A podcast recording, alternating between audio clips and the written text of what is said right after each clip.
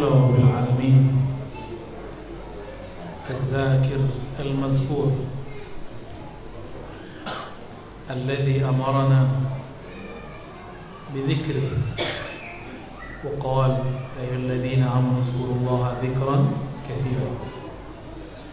أشهد أن لا إله إلا الله أشهد أن محمدا عبده ورسوله. اللهم صل على سيد الذاكرين سيدنا أحمد سيدنا محمد. وعلى آله وعلى خليفته وسلم Baik jemaah Bapak Ibu yang bukan Allah Ini saya datangnya lebih awal Jamaahnya masih nyangkut di jalan Masih di mujahidin tadi ya Kajian kita tentang Investasi rohani Apa arti investasi? Bisa berarti tabungan bisa berarti simpanan berharga Dan lain sebagainya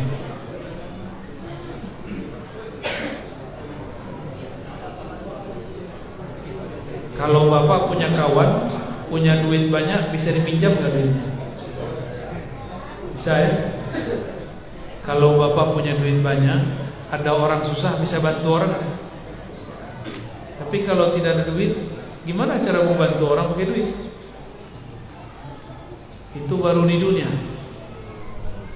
Yang bisa bantu orang di dunia, yang punya aset investasi dunia yang bisa bantu ruhani seseorang yang di kolbunya ada tabungan berharga investasi rohani yang punya hak untuk memberi syafaat nanti di akhirat itulah zat yang dirinya setiap nafasnya selalu mengingat Allah Subhanahu wa taala. Kata orang mursyid itu hebat. Siapa bilang mursyid hebat? Mursyid itu hebat karena dibuat hebat. Kata orang wali itu hebat? Tidak. Wali itu karena diangkat Allah Dia jadi luar biasa Kata orang kalau kita zikir banyak Maka Kita jadi tenang. Belum tentu juga Kawan saya zikirnya banyak Tapi gelisahnya tambah. Kenapa? Karena niat zikirnya belum dimulai. Dia zikir bukan karena ingin dengar Allah Tapi dia zikir karena ingin sesuatu selain Allah Suatu kali Nabi SAW mengatakan Ala adullukum ala kanzin min kunuzil jannah?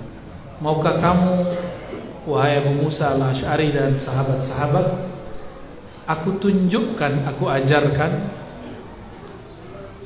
Kans Investasi-investasi surgawi Lalu sahabat mengatakan Bala ya Rasulullah. Lalu Rasulullah mengatakan La hawla wa la quwwata illa billah. Ketika seseorang Ini bukan lafaznya yang penting Makna di dalamnya. Ketika seorang mengatakan tiada daya, tiada upaya kecuali dengan bantuan Allah, maka orang ini sedang menanam saham rohani. Kalau orang itu menghayati la haula wala quwata illa billah setiap hari, maka setiap hari dia menabung investasi, menanam investasi rohani. Jika setiap hari dia hidup dengan rasa ini maka dialah orang paling kuat di dunia. Ya, kenapa ada kiai dimintain doa mustajab, kita dimintain doa mustajab? Karena kiai punya investasi rohani. Kita minta bantuan ke orang kaya, yang kita minta duitnya, dia kasih duit. Kita minta obat ke dokter karena dia tahu ilmu kedokteran, dia obat kita.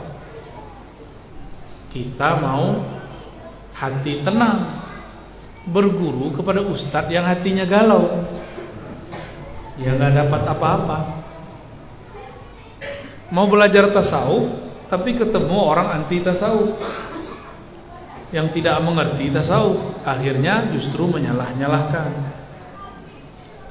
Mau belajar hadis tapi si ustadz mulutnya berhadas. Isinya menyalahkan ini mendoifkan ini. Kayaknya asik di situ. Lupa bahwa ilmu hadis bukan untuk menyalah-nyalahkan. Ilmu hadis justru untuk mempermudahkan seseorang beramal ya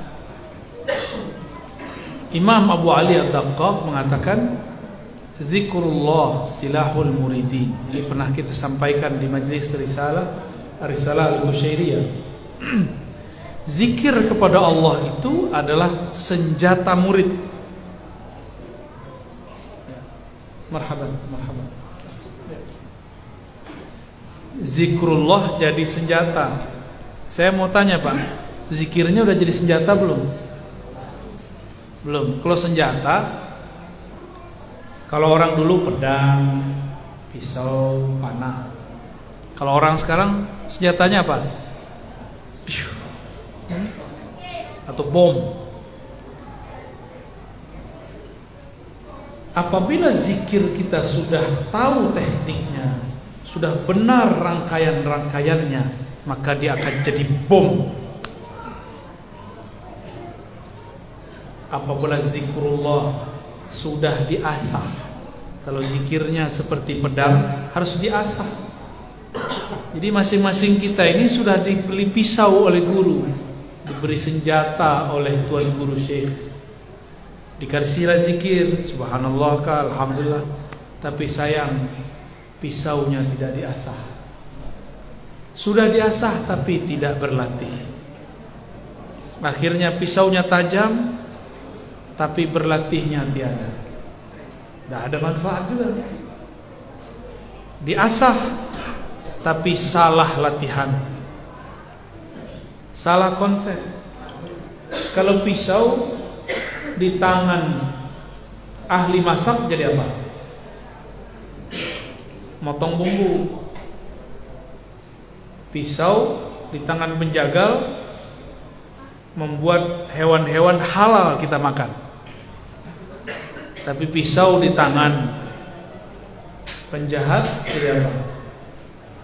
Salah pisau atau salah orang yang pakai? Salah orang yang pakai. Maka jangan gagal fokus. Ilmu-ilmu itu alat semua, yang salah orang yang pakai. Jika ada orang menggunakan ilmu zikir untuk kepentingan-kepentingan selain mengenal Allah, maka dia sedang menyelewengkan pisau tadi. Dan itu banyak. Ya, Gimana Pak? Udah punya zikir kan? Diasah nggak tiap hari? Enggak ya? Makanya tumpul Kalau lagi ada gejolak di hati Itu pisau, itu senjata nggak bisa untuk melawan musuh Kalau kita sedang bertemu musuh Ini ketemu musuh Tapi tidak punya keberanian nggak punya senjata, ada senjata tapi tumpul, cemas kan? Cemas. Kalau kita nggak punya senjata, nggak punya alat asahan, maka caranya ada. Maka Nabi bilang, ala adullukum ala kanzin min kunuzil jannah. Maukah kamu aku tunjukkan jalan pintas? Inilah perbendaharaan ruhani yaitu la haula wala bukan lafaznya, maknanya. Berserah diri total kepada Allah. Ya. Ketika seseorang menolkan dirinya, di saat itulah keberanian muncul. Di saat seseorang itu berlindung kepada yang Maha Esa, meskipun dia nggak punya senjata, dia dilindungi oleh yang Maha menciptakan senjata. Jadi kita ini nggak perlu jadi orang hebat, tapi dekat-dekatlah sama orang hebat. Nanti dikira hebat tak? Nggak perlu jadi penguasa, jadi teman penguasa cukup. Jadi guru penguasa, jadi kawan penguasa, jadi saudaranya cukup. Nanti urusan kita dimudahkan. Ya. Kalau kita nih datang ke satu kampung. Di kampung itu banyak preman. Banyak preman, Pak. Tapi ketua premannya sahabat kita. Itu semua preman hormat gak? Wih, apa? Gimana? Kita nggak punya pasukan, kita nggak punya senjata, nggak apa-apa. Tapi kita punya aset. Maka ilmu mengenal itu adalah aset. Kenal Allah itu adalah senjata terbaik. Maka benteng terbaik bukan dinding-dinding yang tebal, pagar-pagar yang berlapis. Benteng terkuat adalah kenal Allah Subhanahu wa taala. Kenal dengan penguasa. Kalau cuma kenal dengan pemilik penguasa negeri, ya seorang gubernur, bupati, presiden paling cuma lima tahun paling lama dua periode. Kalau kita cuma dengan berkawan dengan mereka, lalu kita memusuhi kawan kita, menindas yang lain, setelah orang ini turun kita dibenci orang. Maka kita bukanlah pembenci penguasa atau pencinta penguasa. Kita biasa-biasa, ya. Jadi kita nggak dituntut benci-benci, nggak ada, nggak ada kewajiban benci-benci penguasa. Yang ada cuma mendoakan siapa yang mengurus negeri ini. Mau penguasanya siapa terserah. Ya. Semoga Allah bimbing ulama dan umara. Amin rabbal.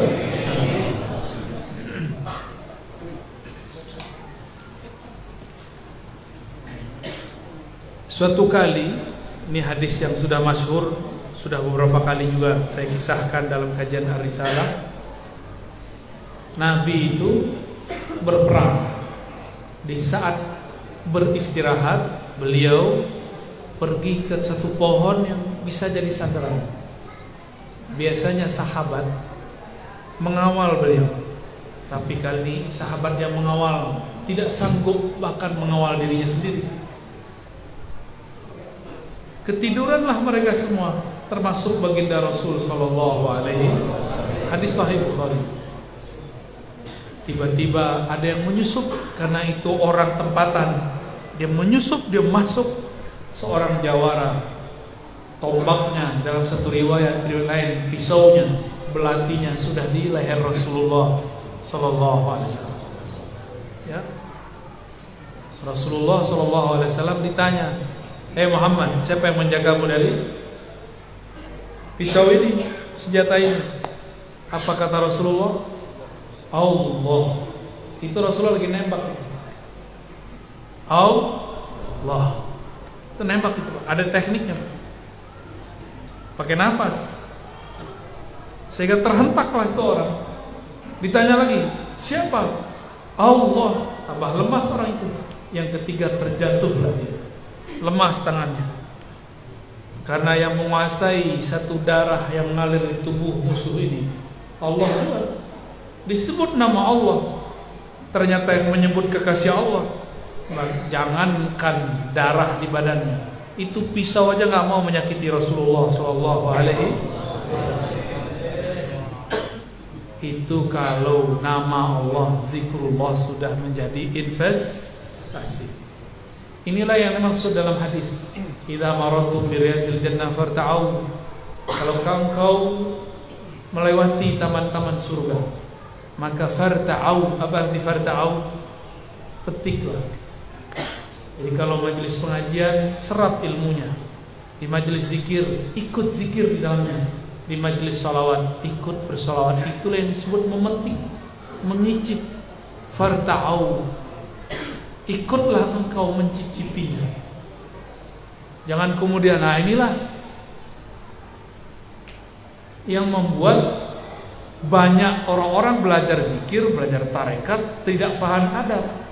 Kalau nggak tarekat dia nggak mau ikut zikir. Maka adalah di suatu pertemuan tarekoh-tarekoh, imamnya salah satu pengamal tarekoh yang berbeda dengan jamaah. Tengkar, ribut. Di depan imamnya pengen yang apa, di belakang pengen yang apa. Itu terjadi. Padahal zikir itu seharusnya melembutkan kalbu Kok ini malah bikin ribut Berarti orang itu baru berzikir dengan simbol belum berzikir dengan ruhaninya. Ya. Gimana? Zikirnya sudah buat berani belum? Hmm? Masa zikir takut sama hantu? Hmm? Ya, takut sama hantu ya? Kita ini nggak boleh sombong, tapi takut sama hantu nggak boleh. Ya? Yang jadi khalifah di muka bumi siapa? Manusia. Itu jin gak diizinkan napak di bumi. Ngapain kita takut sama dia? Itulah was-was syaitan yuwaswih fi sudurin nas. Ya. Maka coba lihat di depannya. Kul a'udzu birabbin nas. Katakan hai Muhammad, aku berlindung kepada Allah, Rabbnya manusia. Penguasa manusia. Tuhan yang disembah manusia. Ta'awuz namanya. Apa arti ta'awuz? Memohon per orang yang bisa berlindung dia punya makobla haula wala quwata illa jadi kalau dia tidak menolakkan dirinya dia tidak akan berlindung kepada Allah. Jadi la haula wala itu satu paket dengan auzu billah. Ya. Maka saya mengajak kalau mau zikir pagi sore dimulai syahadat selain subhanallah alhamdulillah Allah akbar la ilaha tambahkan la haula wala quwwata illa itulah isi kolbu Rasulullah. Kolbu Rasulullah itu kolbu la haula wala quwwata illa billah. Karena beliau selalu di situ ternyata beliaulah yang memegang kunci surga. Maka di kolbunya ada sir rahasia la haula wala ada sir subhanallah. Ada sir la ilaha illallah. Di kolbu Nabi. Kan taman taman surga jadi taman surga hakiki ada pada diri orang yang berzikir. Inilah sebabnya kenapa ahli zikir didatangi oleh orang-orang yang haus dengan persoalan surga. Ingin berkunjung ke surga sebelum masuk surga kunjungilah siapa yang kolbunya sibuk mengingat yang nama orang itu ada di dalam surga Nabi Yuna Muhammad sallallahu alaihi wasallam. Dalam Israiliyat yang dinukil oleh Imam Asyuti. Tapi Asyuti mendiamkannya. Berarti beliau menganggap ini makna sahih.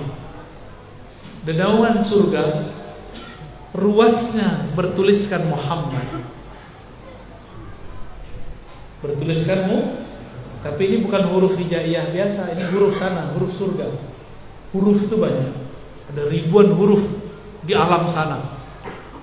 Di antara huruf itu yang diturunkan ke bumi ini Yang masih berhubungan dengan alam sana Itu cuma huruf hijaiyah. Berapa huruf hijaiyah? 20 28 itu huruf dari sana.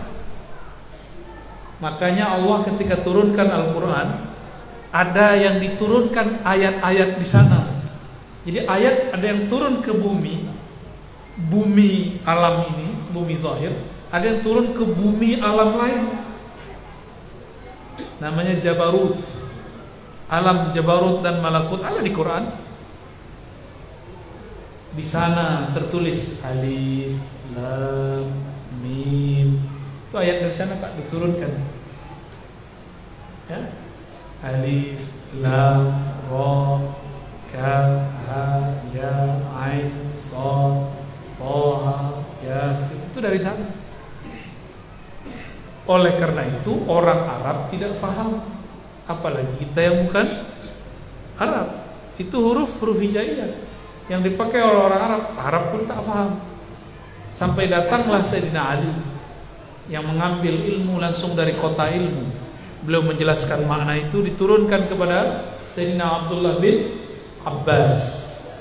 Maka Sayyidina Ibn Abbas adalah imam dari kalangan sahabat yang mengerti rahasia-rahasia huruf. Dan itu semua ada di kolbu Nabi Muhammad sallallahu alaihi wasallam.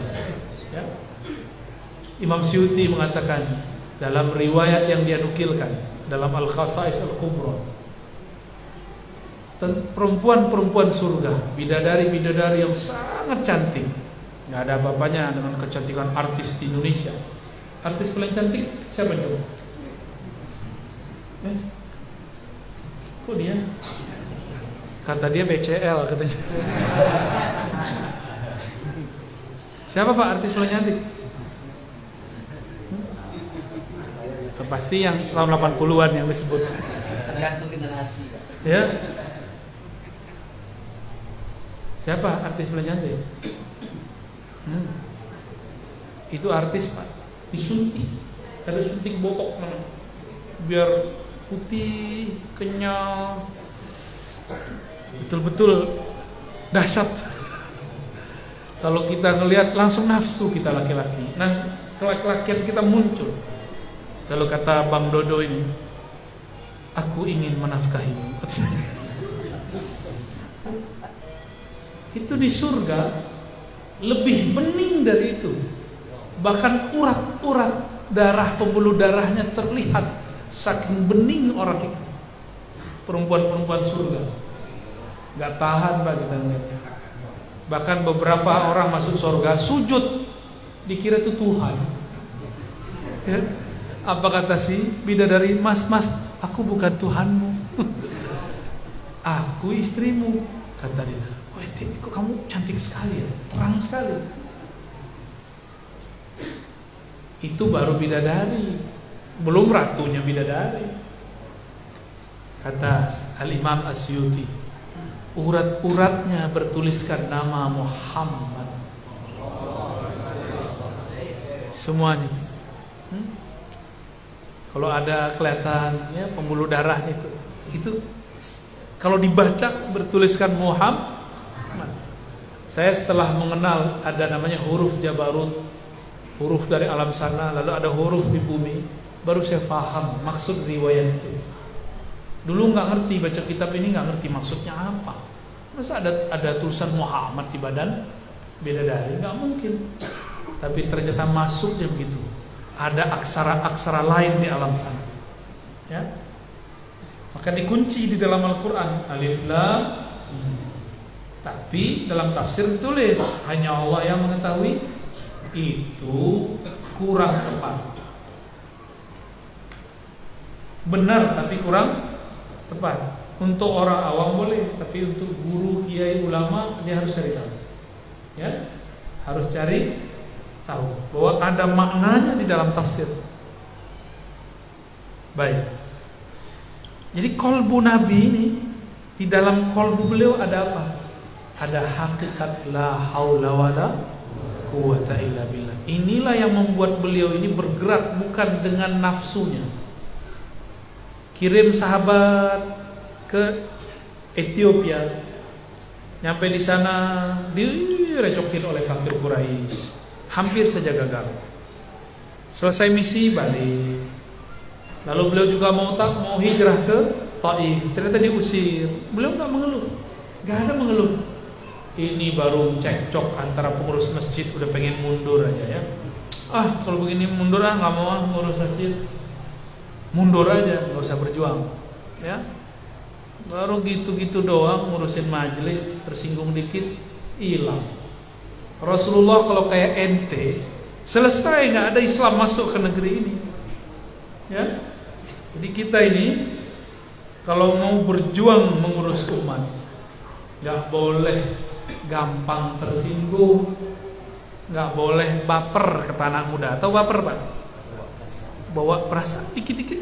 Hatiku sakit. Aku tersinggung. Eh, kame kata orang. Kame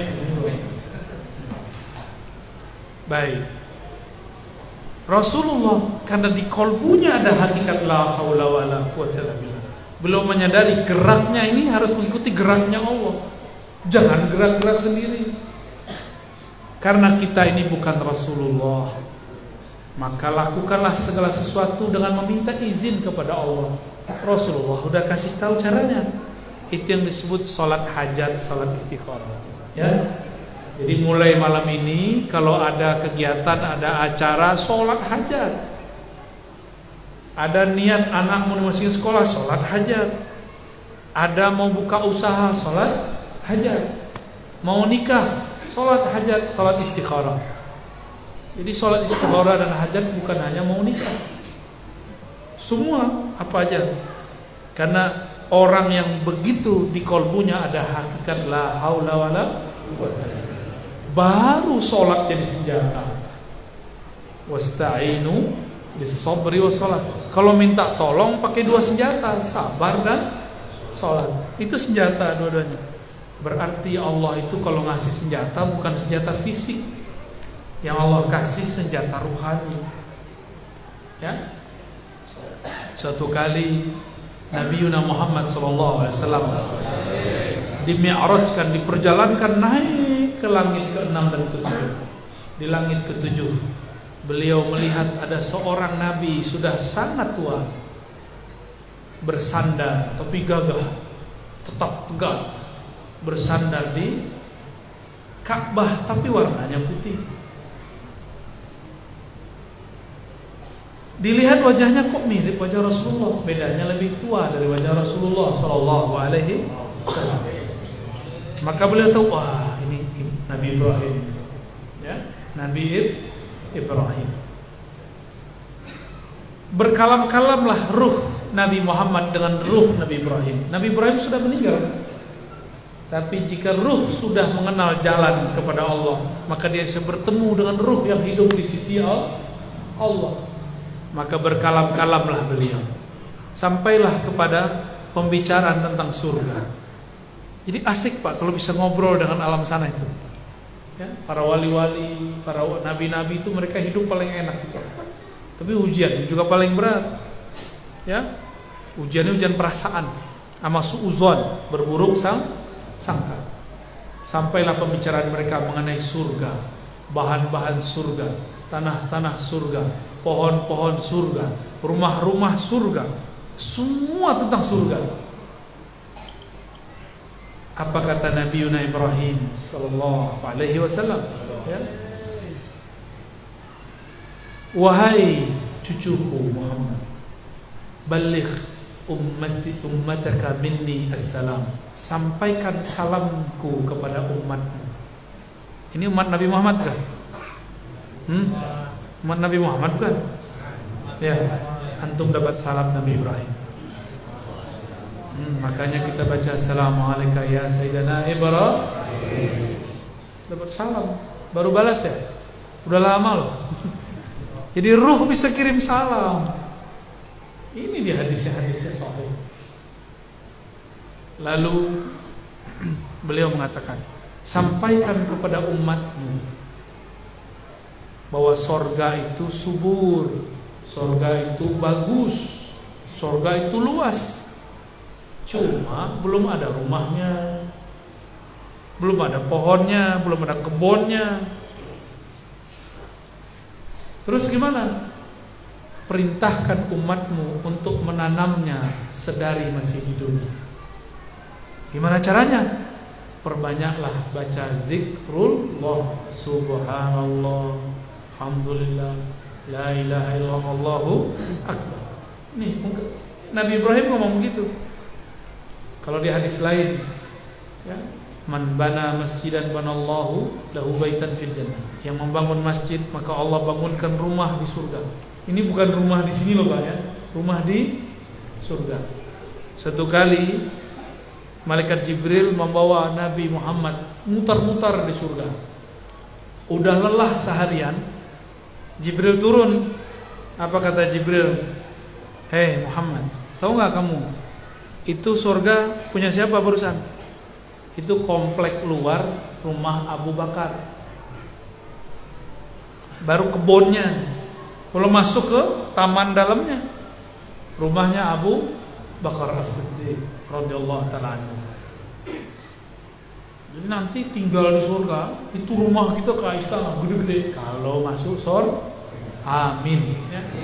Sekarang banyak uh, panitia surga. Dikit-dikit ngancem orang, ya. dikit-dikit bilang saya saksi nanti di akhirat ente zolim. Saya saksi di akhirat ente jahil. Itu yang banyak message saya banyak begitu. Ya kita balesin yang sempat dibalesin. Emang ente masih sempat bersaksi?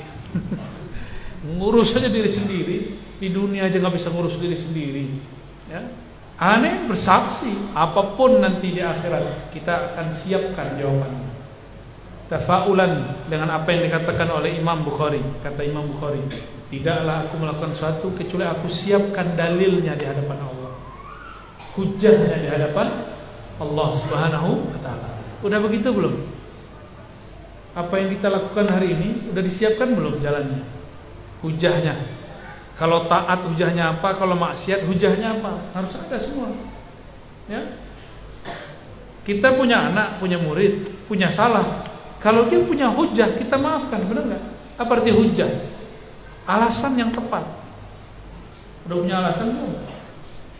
Belum ya? Mau dikasih alasan nggak?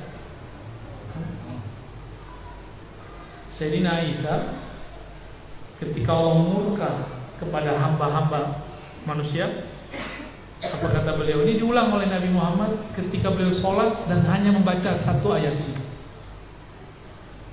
ini ada di surah Al-Maidah ya Allah jika engkau marah ya kami mereka ini masih hamba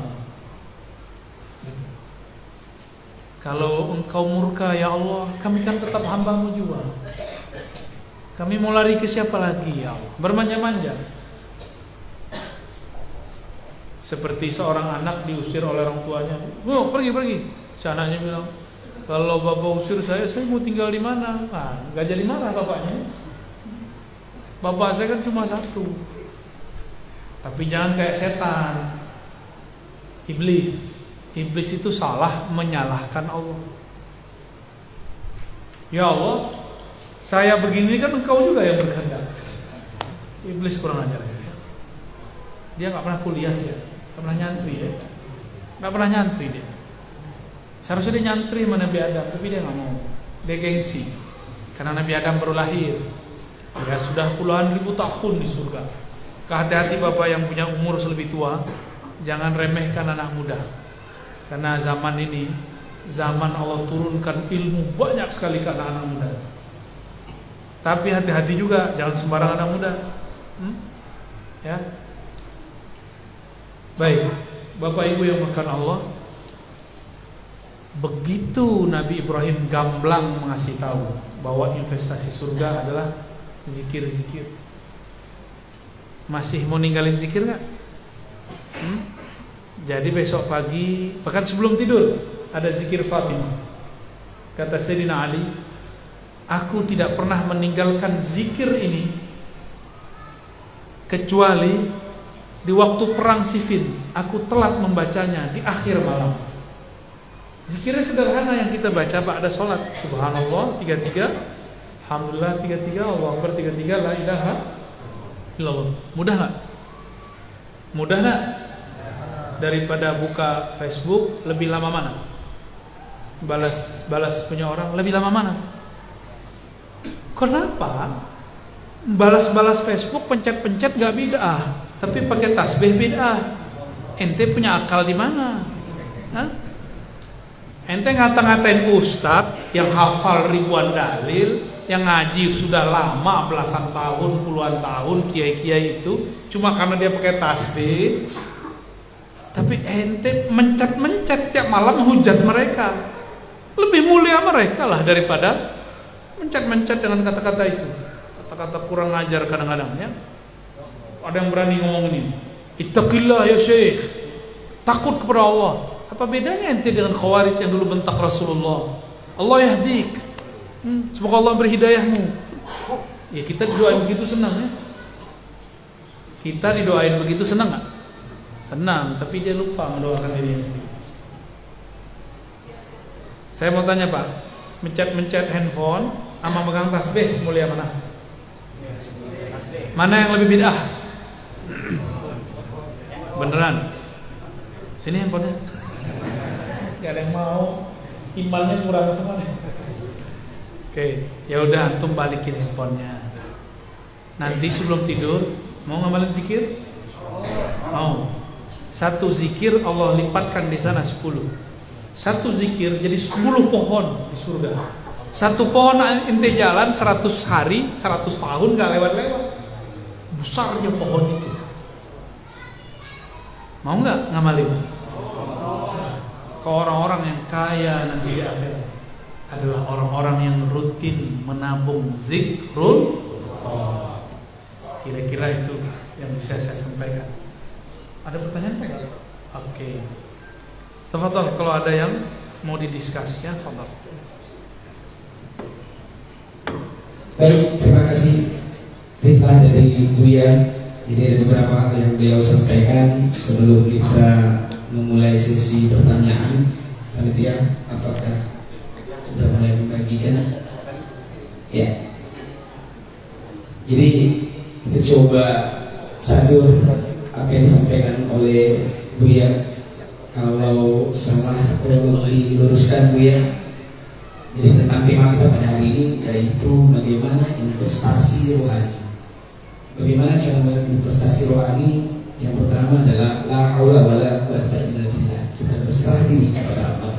Mohon perlindungan kepada Allah.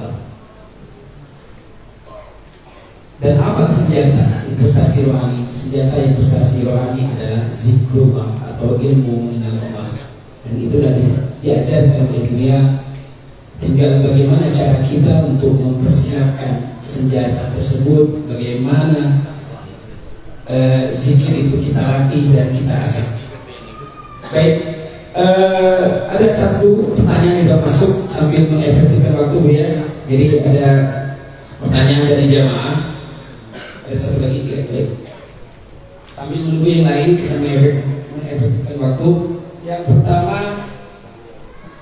Assalamualaikum warahmatullahi wabarakatuh Buya karena saya sudah tua Sehingga dalam menimba ilmu sudah sangat ketinggalan Maka saya mohon Bagaimana Supaya dalam berzikir maupun sholat Kalbu saya bisa bergerak Mohon petunjuk Buya Syukur-syukur ruh yang dihembuskan kepada saya dapat mengenal yang menghembuskannya.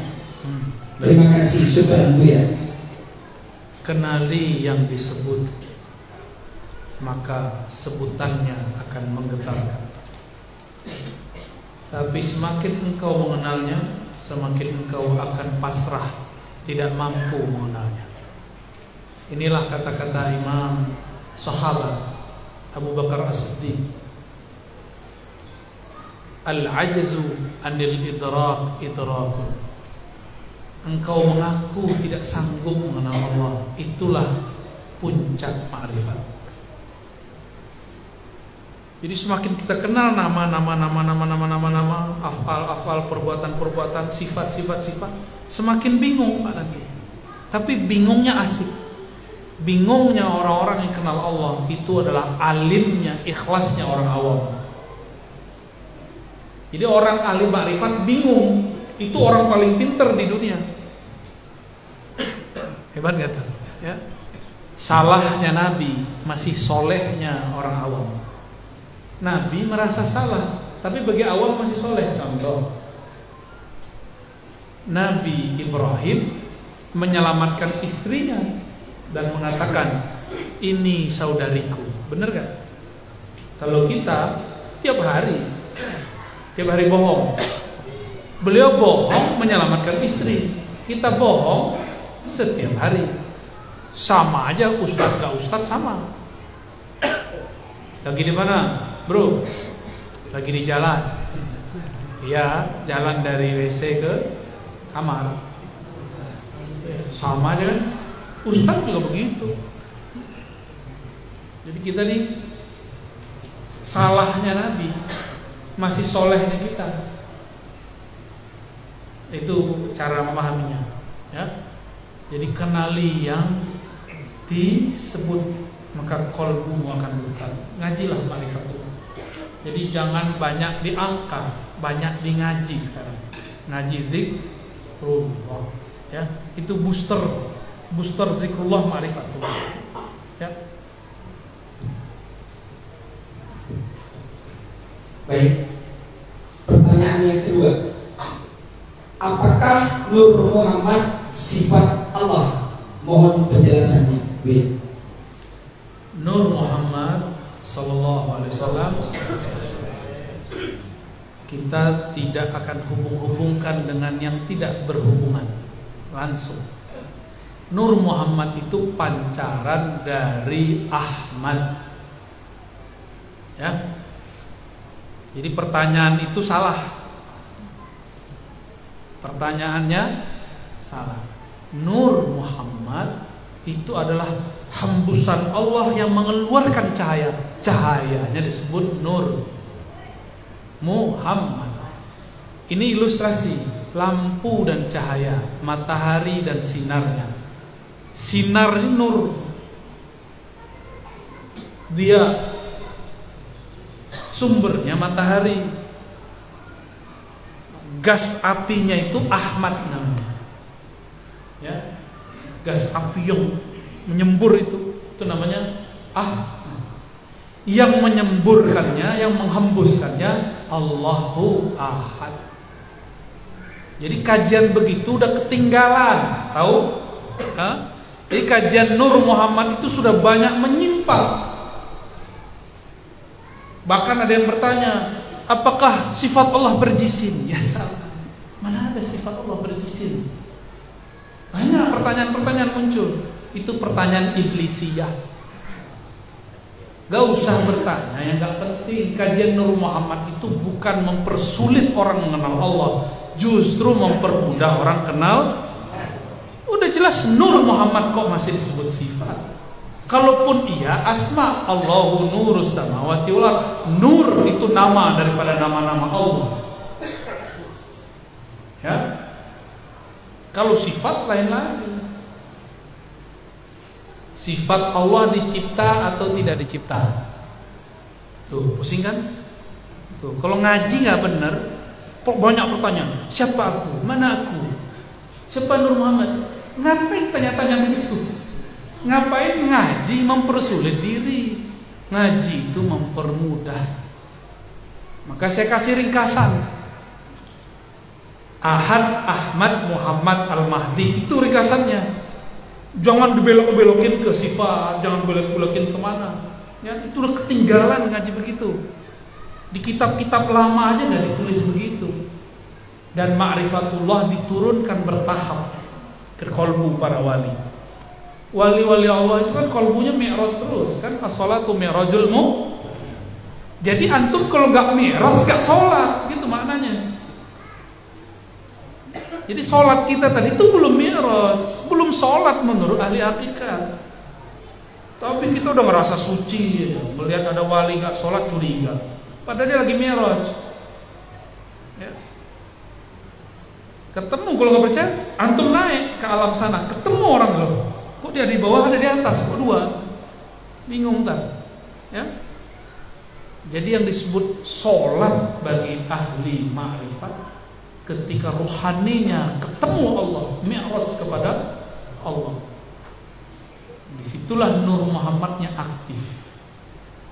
Jadi tidak ada urusannya Nurul Nur apa Nur Muhammad sifat apa itu pertanyaan-pertanyaan begitu. Saya udah bosan dengar pertanyaan begitu. Ke depan tidak ada lagi pertanyaan apakah sifat Allah berjisim, apakah Nur Muhammad sifat Allah. Gak ada lagi pertanyaan begitu. Ya.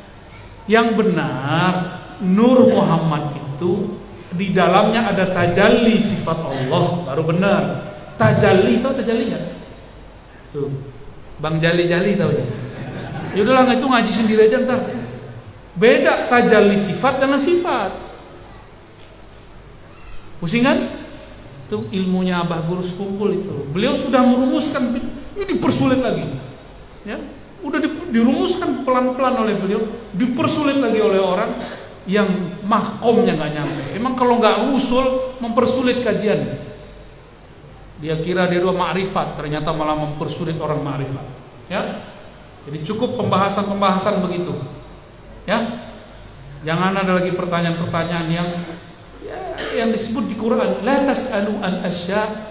Jangan kamu tanya mengenai sesuatu jika tubdalakum, jika diganti itu tak sukum akan mempersulit kamu Ya, itu nggak nambah marifat antum kok. Ma'rifat itu mengenal asal usul. Bukan menjadi Tuhan. Di dalam diri ada Nur Muhammad. Nur Muhammad sifat Allah. Aku sifat Allah. Ya salam. Kapan ente jadi sifat Allah? Gak pantas. Tempat buang ee itu. Tempat buang tai itu jadi sifat Allah. Gak pantas. Ya Jadi kita ngaji ma'rifat Jangan ala torikotul iblis. Ala tariqati iblisiyah jangan. Ala tariqati al muhammadi tariqah nabi Muhammad. Yassiru wala tu'asiru permudah. Kasih pertanyaan. Pertanyaan yang memudahkan. Ya? Udah ntar saya tulis lah buku tentang Nur Muhammad yang gampang buat bahkan nggak perlu pakai tulis. Empat ya Ahad Ahmad Muhammad Al-Mani selesai kan selesai nggak kalau nanti ada dajjal mau turun, Nabi bilang nanti bakal ada dajjal turun. Keluar si dajjal. Benar kan? Ada hadisnya? Hadis sahih. Mesti ada yang kolbunya seperti kolbu Nabi Muhammad yang bisa mengalahkan orang itu. Yang nanti ngasih mandat pedangnya kepada Sayyidina Isa. Karena Sayyidina Isa kalah waktu masih hidupnya. Jadi jangan salah paham kita ini meyakini bab Nabi Isa turun bukan berarti kita nanti jadi Nasrani semua. Enggak juga. Nabi Isa itu udah bekerja dulu Al-Mahdinya untuk melemahkan si Dajjal dari dalam. Baru Nabi Isa turun. Kalau enggak nggak bisa dia bekerja. Karena dulu aja Nabi Isa ditangkap, mau ditangkap, alhamdulillah diselamatkan oleh Allah baru dinaikin. Seandainya Nabi Isa bisa membunuhnya dari dulu, udah dibunuh dari dulu. Inilah hebatnya umat akhir zaman. Maka kajian-kajian ma'rifatullah harus yang sudah jelas, nggak boleh jelimet. Dalilnya juga nggak boleh di luar Al-Quran dan Sunnah. Ya, Insya Allah kajian Nur Muhammad yang saya sampaikan itu dalil-dalil sudah kita rapikan. Ini bukan Quran, bukan hadis, ini kalam ilham. Ana minallah wal alam minni. Aku dari Allah. Alam dariku. Itu bukan hadis Nabi. Itu pertemuan. Jadi ada wali ketemu dengan rohaniah Nabi. Dalam alam rohani Nabi berbicara begitu. Itu namanya hadis ilhami. Hadis-hadis ilham. Nggak boleh dijadikan sebagai sebuah dalil. Cukup dijadikan sebagai sebuah paham. Ya. Wallahu a'lam bis Kayaknya jadi takut nanya Nur Muhammad. Yuk lanjut. Eh, pertanyaan yang ketiga ini kurang lebih sama dengan pertanyaan keempat, tapi bisa saya rangkum. Mohon diijazahkan talqin zikir salah satu tarekat. Terus mohon juga zikir yang Buya ijazahkan di YouTube, bolehkah kami amalkan? Saya ini hamba Allah. Bergerak dengan la haula wala quwata illa mentalkin pun harus ada gerak itu. Kalau lagi nggak ada gerak itu nggak muncul. Nggak bisa dibuat-buat.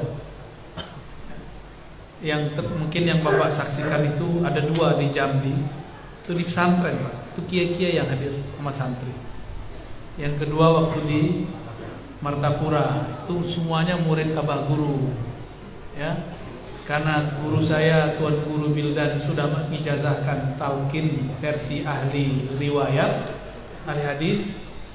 Maka saya dapat sir ilham juga untuk menambahkan melengkapi riwayat ini dengan ijazah torikot.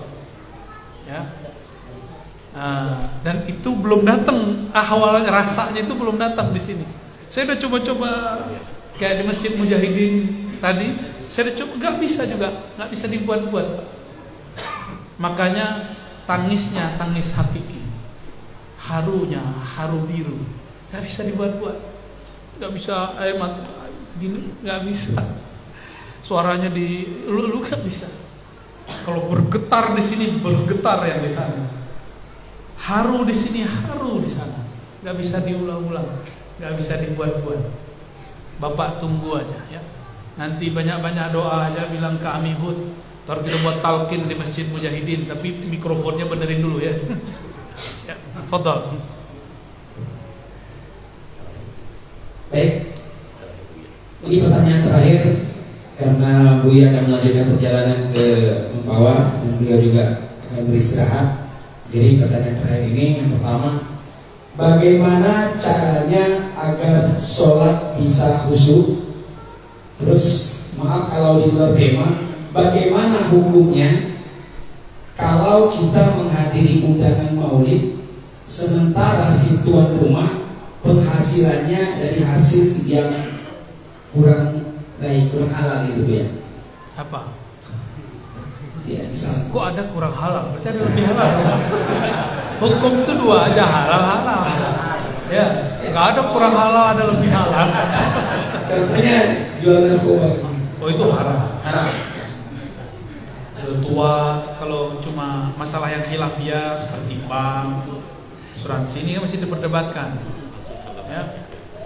Karena kalau mengharamkan bank semua, sini ATM-nya kasih ke saya aja sih. Ya, sok-sokan antum sok-sok suci. Mengharamkan bank tapi produk bank dipakai duit. Ya. Gimana supaya sholat khusyuk itu dulu ya. Sholat supaya khusyuk, jangan nyembah tembok, jangan nyembah huruf. Lah diingat-ingat lafaz alif lam lam enggak, jangan nyembah huruf.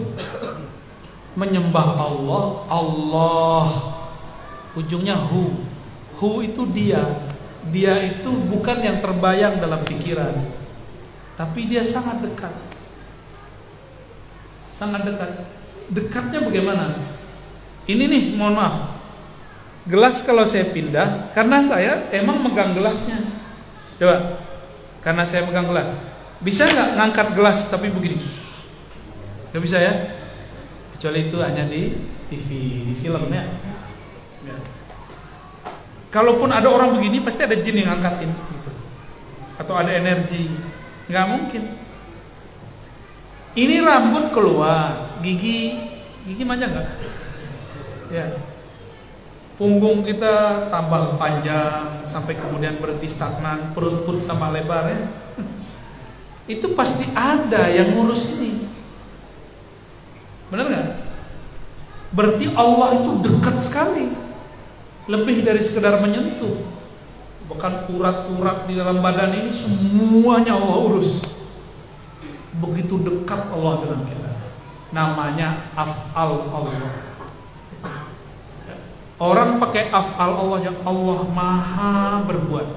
Tiadalah di, di tubuhku, di kukuku, di rambutku, di darahku, kecuali di situ ada jasa-jasa Allah. Ada campur tangan, itu aja pakai sholat pak nangis pasti, bisa pingsan-pingsan kok. Kawan saya dulu minta belajar sholat khusyuk, kita kasih merinding-merinding, berhenti dikira saya ngajarin ilmu setan. Makanya saya nggak sembarangan ngasih ilmu khusyuk. Ya, dia dikira Allah, buketar badannya, bulu romanya berdiri semua. Langsung dia berhenti, dosen lagi. Wah, kayaknya Arroz ini ngajarin ilmu setan. Kenapa saya merinding-merinding? Lah emang di Qur'annya begitu, iza dzukirallah wajilat qulub. Dan khusyuk itu ada tahapannya, ada khusyuk kolbu, ada khusyuk ruh, ada khusyuk akal, ada khusyuk badan. Yang nomor dua terakhir paling bawah, yang nomor dua di awal paling tinggi. Khusyuk badan, tunduk, lemas. Jadi sholat kalau tegang tanda nggak khusyuk.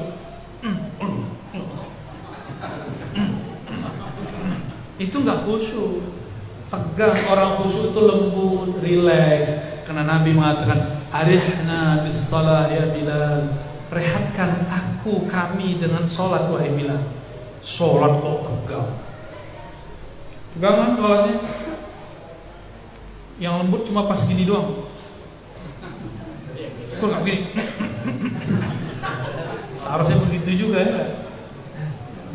Yang lembut sholat itu tangan naik, yang lembut turunnya.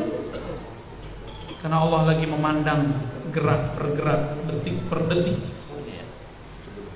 Ya, kenali yang disembah. maka engkau akan lembut dalam menyembahnya. Kalau akal nih khusyuknya dia nggak banyak pikiran.